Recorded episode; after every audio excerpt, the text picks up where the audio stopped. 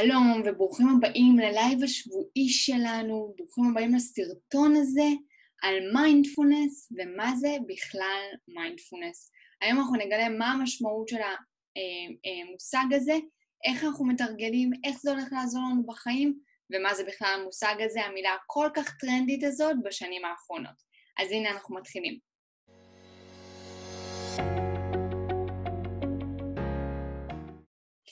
מיינדפולנס, בעצם המושג, ההגדרה למיינדפולנס היא היכולת שלנו להיות נוכחים ברגע ההווה ללא שיפוטיות וללא התנגדות, התנגדות, סליחה.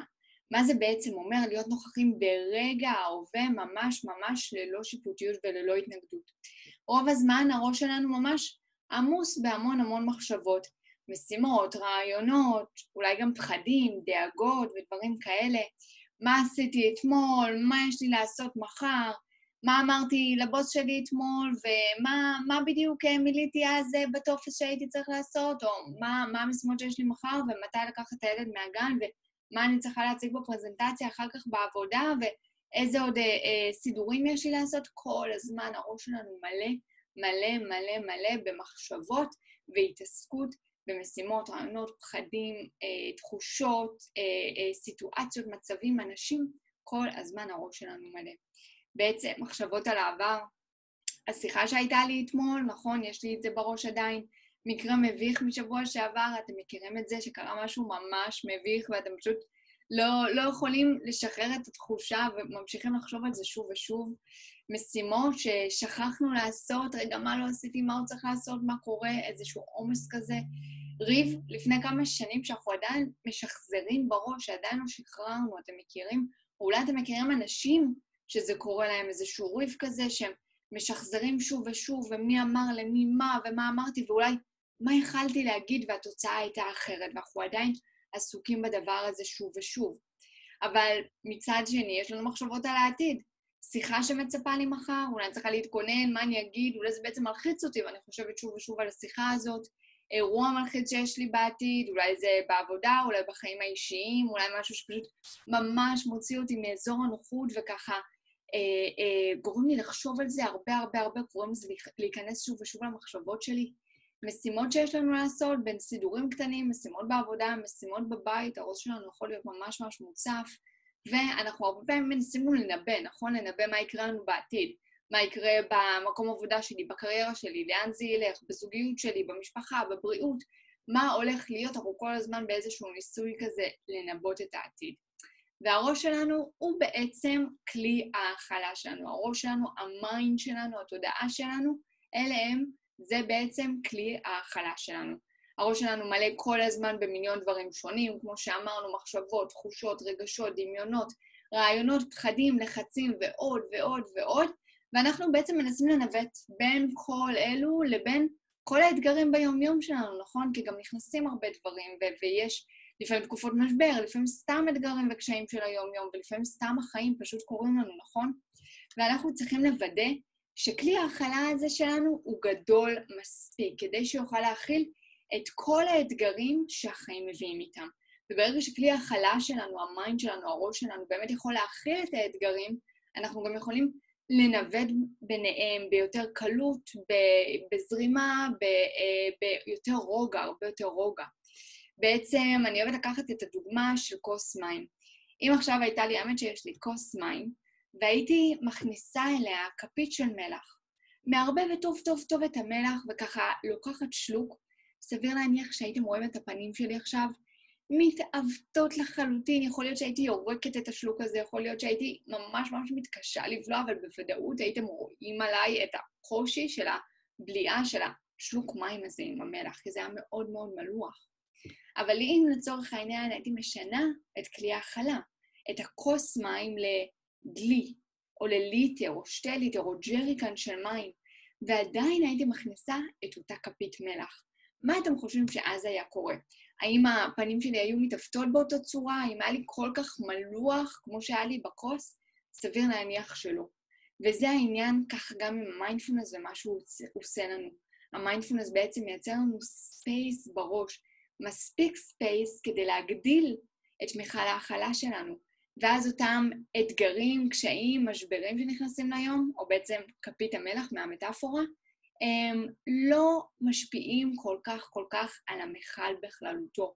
בעצם הרבה פחות מלוח לנו, הרבה פחות דרמטי לנו להתמודד עם האתגרים והקשיים האלה והחיים בכלל, כי יש לנו מספיק space בכלי ההכלה שלנו, יש לנו יכולת להכיל ולנווט הכל ברוגע ושלווה והרבה יותר שקט וביותר זרימה. מיינדפולנס מאפשר לנו בעצם להגדיל את כלי ההכלה הזה, נכון? הוא נותן לנו את היכולת לעצור, להתבונן ולחוות את רוגע ההווה ללא התנגדות למציאות. בעצם העצירה הזאת וההתבוננות במה שקורה מאוד מאוד חשובה. בעצם לא לרוץ, לא לרוץ למסקנות, לא לרוץ לדפוסים אוטומטיים, לא לרוץ ככה להחלטות ותגובות אוטומטיות. המיינדפולנס גם עוזר לנו לנוח, לא להיות עסוקים במחשבות כל הזמן, רק להיות ככה לכמה רגעים נוכחים ברגע, לתת לראש הפסקה מהחשיבה האינסופית הזאת. וככה כלי ההכלה שלנו בעצם גדל יותר ויותר ככל שאנחנו מתרגלים, וכשהאתגרים מגיעים לחיים שלנו, יש לנו המון המון מקום ויכולת להתמודד איתם בלי להישבר ובלי שזה יקשה עלינו ובלי שזה ממש יהיה לנו אה, אה, מאתגר בצורה שהיא לא מיטיבה ולא מפתחת. מיינדפולנס גם מאפשר לנו לבחור את התגובות שלנו למצבים שונים. אם תחשבו על זה, בעצם הראש שלנו מלא כל הזמן, נכון? והרבה פעמים אנחנו הולכים לפעול לפי תגובה אוטומטית, לאו דווקא תגובה שבאמת קיבלתי החלטה עליה באותו הרגע. בגלל שלא באמת יהיה לנו מקום לעצור ולשקול את התגובה שלנו, הכל קורה לנו מהר מדי. ולעיתים אנחנו אפילו לא נשים לב בכלל שהיינו צריכים לעצור. הרבה פעמים זה כל כך אוטומטי אצלנו, תגובות מסוימות, אני פתאום מתפרצת בכעס, אני פתאום מאבדת סבלנות, אני פתאום ככה הולכת למקום של היעלבות ושל עצב, או, או אפילו גם אה, בתחומים אה, ההפוכים, גם למקומות אה, טובים יותר, אנחנו נתעסק יותר במקום השלילי. וכשאנחנו הולכים למקומות האלה כל כך באוטומט, מתוך דפוסים אוטומטיים, מתוך חשיבה אוטומטית, מתוך איזשהו טויאס אוטומטי של רצף מחשבות אוטומטיות, אנחנו בכלל לא שמים לב שהייתה לנו את האפשרות לעצור. מיינדפולנס ממש מאפשר לנו להיות נוכחים ברגע ההווה, וכך בעצם לבחור בזמן אמת מהי התגובה למצב העומד מולי, מהי התגובה שהיא נכונה לי, ולא איזושהי תגובה אוטומטית שהייתי ככה מגיבה מתוך איזה שהם דפוסים או רצף מחשבות אוטומטי. מיינדפולנס גם עוזר לנו להפחית שיפוטיות בחיים שלנו. אנחנו שיפוטיים באופן אוטומטי גם בלי שאנחנו מתכוונים. לסביבה, אה, אפילו לעצמנו ואפילו כלפי המציאות בכלל. ואני יודעת, אתם יכולים להגיד, מה, מה פתאום, אני לא שיפוטי, אני לא ביקורתי, זה לא נכון, אבל יש לנו איזשהו אוטומט כזה של שיפוטיות, כי פעם, בעבר שלנו, היו תקופות שהשיפוטיות הזו באמת באמת עזרה לנו, נכון? לקטלג אנשים, או סיטואציות, או מצבים, ולדעת מה נכון ומה לא נכון, ויש מקומות שזה עזר לנו, ויש מקומות שזה אולי בקטנה עדיין עוזר לנו, אבל היום השיפוטיות האוטומטית הזאת בעיקר בעיקר מנווטת את הראש שלנו לחשיבה שלילית, למיקוד שלילי, ומוציאה הרבה מהחיוביות בחיים שלנו. והמיינדפולנס בעצם עוזר לנו לשים לב למחשבות השיפוטיות האלה, ולקבל החלטה מודעת לעצור אותן, להפסיק אותן, ולגשת למחשבות קצת יותר נעימות. המיינדפולנס מאפשר לי גם להיות מחובר לעצמי, או מחוברת לעצמי, ולרגע ההווה בכאן ועכשיו. בעצם להכיר את עצמי, להכיר את המחשבות ואת התחושות שלי, הרבה פעמים אנחנו לא יודעים מה אנחנו מרגישים או, או מה קורה לנו בגוף כי אנחנו לא שמים לב לזה, ובעצם לדעת מה מפעיל אותי. הרי אנשים שהם בסופו של דבר מודעים לעצמם, אנחנו הרבה פחות נאשים אחרים, בגלל לא קרה לי והיא עשתה לי ככה וזה. זה לא המקומות האלה, האחריות היא עלינו בסופו של דבר. מה הפעיל אותי? למה הסיטואציה הזאת פגשה אותי בלא נעים? למה האמירה הזאת הכעיסה אותי? למה האמירה הזאת העליבה אותי? זאת אומרת, איפה זה מפעיל אותי, איפה זה פוגש אותי? ובעצם מהמקום הזה של ההיכרות עם עצמנו והמודעות למחשבות שלנו ולתחושות שלנו בזמן אמת, אנחנו גם יכולים להגיב משם, ושוב פעם, לא לתת לנו לפעול על אוטומט, לא מתוך פחדים, לא מתוך לחצים, לא מתוך דאגות ולא מתוך כעסים. ואפילו חקרו את הנושא, ובשנים האחרונות האקדמיה יותר ויותר נותנת מקום למחקר, למשמעות ולתוצאות שהמיינדפולנס מביא לחיים שלנו. אז אנחנו מדברים על חרדה ודיכאון, על התמודדות עם כאב כרוני, התמודדות עם מחלות כמו סרטן, מחלות נפשיות כמו הקושי במחלות האלה וההתמודדות איתן, ירידה בלחץ הנפשי, מיינדפולנס מאוד מאוד תורם לזה, השפעה חיובית על מערכות יחסים, זוגיות ומערכות יחסים בכלל, יש השפעה מאוד משמעותית וחיובית בזכות המיינדפולנס. התמודדות עם הפרעות אכילה, התמודדות עם הפרעות שינה ופלסטיות של המוח. היום אנחנו כבר יודעים שהמוח שלנו גמיש ומשתנה כל הזמן, אז אה, בנושאים של קשב, של ויסות רגשי, של מודעות עצמית ואפילו של זיכרון, מיינדפולנס כבר מראה לנו תוצאות אמיתיות וטובות ומאוד מאוד מיטיבות. אז איך בעצם אנחנו מתרגלים מיינדפולנס? מה אני צריך לעשות כדי לתרגל את המיינדפולנס? אני הולכת להציג לכם שתי דרכים עיקריות שבעיניי יש. הדרך הראשונה היא להיות נוכחים, פשוט נוכחים בפעולות ביום-יום, פעולות יומיומיות, אני כבר אדגים, והדרך השנייה היא לתרגל בעזרת מדיטציה. אז בואו נראה את הדרך הראשונה, להיות נוכחים ברגע, ברגע, סליחה, בפעולות יומיומיות. בעצם, לרוב אנחנו עושים את הפעולות היומיומיות על אוטומט, נכון? בזמן שהגוף שלנו עושה משהו אחד, הראש שלנו בכלל נמצא במקום אחר. ואנחנו יכולים להיות יותר נוכחים ברגע ההווה, ולמעשה לתרגל מיינדפולנס בזמן פעולות יומיומיות שאנחנו עושים עשרות פעמים ביום. איך אנחנו הולכים לעשות את זה? בעצם אנחנו נפנה את הקשב שלנו לחמשת החושים שלנו בזמן הפעולה, ללא שיפוטיות, שימו לב. קחו לדוגמה אה, אחד מהפעולות ששמתי כאן על המסך, למשל הליכה. אני אפנה את הקשב שלי לחמשת החושים. במקום ללכת ממקום, מנקודה א' לנקודה ב', ולא לשים לב בכלל איך הגעתי לשם, פשוט ללכת ולהיות עסוקה במחשבות שלי ובאסוציאציות שלי, להיות ממש נוכחת ברגע ההליכה, להיות נוכחים ברגע הזה של הפעולה. ממש לשים לב לחמשת החושים, לשים לב לחוש המגע, לשים לב לצעדים דוחפים ככה את המדרכה. אפשר לשים לב לרוח מלטפת את הפנים או לשמש מחממת אותנו. אפשר לשים לב לבד של החולצה עלינו. אפשר להפנות את הקשב, אולי אם יש לנו תיק עלינו, לרצועה של התיק, מה ככה נוגעת בגוף. זה המקומות של נקודות החיבור של הגוף. אפשר לשים לב לקולות, לצלילים, מה קורה סביבנו, מה אנחנו שומעים, קולות ככה מהרחוב, אולי מכוניות, אולי אנשים מדברים.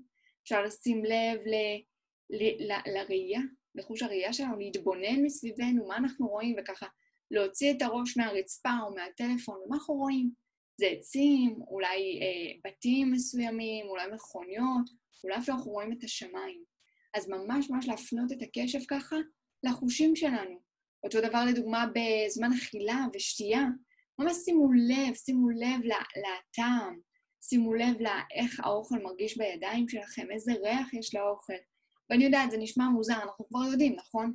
אבל כאן, ברגע הזה, אנחנו יוצאים מהאוטומט. אנחנו יוצאים גם מהרגע הזה שלא שמנו לב בכלל אם אכלנו או לא אכלנו, או מה אכלנו וכמה זמן זה לקח. וממש נוכחים בחוויה. שימו את הטלפון בצד, את הטלוויזיה בצד, כל מסך אחר בצד, ופשוט תהיו נוכחים עם החוויה הזאת. וכך אפשר עם כל פעולה ופעולה, כל פעילות גופנית, בישול, אפשר ככה לשים לב למרקמים, לריחות, למה שקורה במטבח, למקלחת, שימו לב לזרם של המים, האם הוא חם, האם הוא קר, איזה ריחות יש לשמפו ולסבון. לניקיון, אם אנחנו מנקים את הבית, למוזיקה, מה הקצב, איזה כלים אני יכולה לשים לב שמנגנים עכשיו בשיר שאני שומעת. ממש ממש להפנות את הקשב, את חמשת החושים שלנו, לחוויה בכאן ועכשיו של מה שאנחנו עושים. הדרך השנייה שלנו לתרגל מיינדפולנס היא בעזרת מדיטציה. בעצם כאן אנחנו נמצא איזשהו מקום שקט, שלא הולכים להפריע לנו בו. זה יכול להיות בישיבה, שכיבה או אפילו עמידה, אין צורך לשבת בהכרח ב... ישיבה מזרחית על הרצפה. תמצאו את כל התנוחה שנוחה לכם פשוט, ובעזרת הנחיה, הקלטה של מישהו שמנחה אתכם, או אפילו לבד, פשוט להיות נוכחים בחוויה כאן ועכשיו.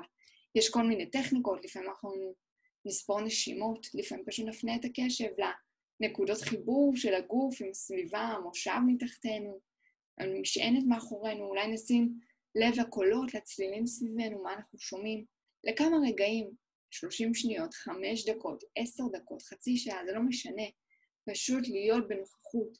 והיום מחקרים כבר מראים שבין 5 ל-10 דקות הולך לתת לכם את התוצאות של המיינדפולנס, שזה לא הרבה זמן.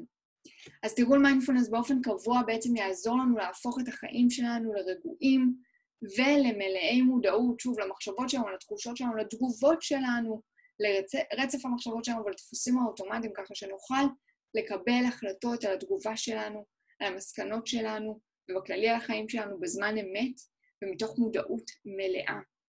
אני מזמינה אתכם לעקוב אחריי לעוד תוכן ותרגולים וגם מדיטציות מעולם המיינדפולנס, אחרי ערוץ היוטיוב שלי שנקרא מיכל מיינדפולנס, ואני מחכה לראות אתכם שם. אז נתראה שם.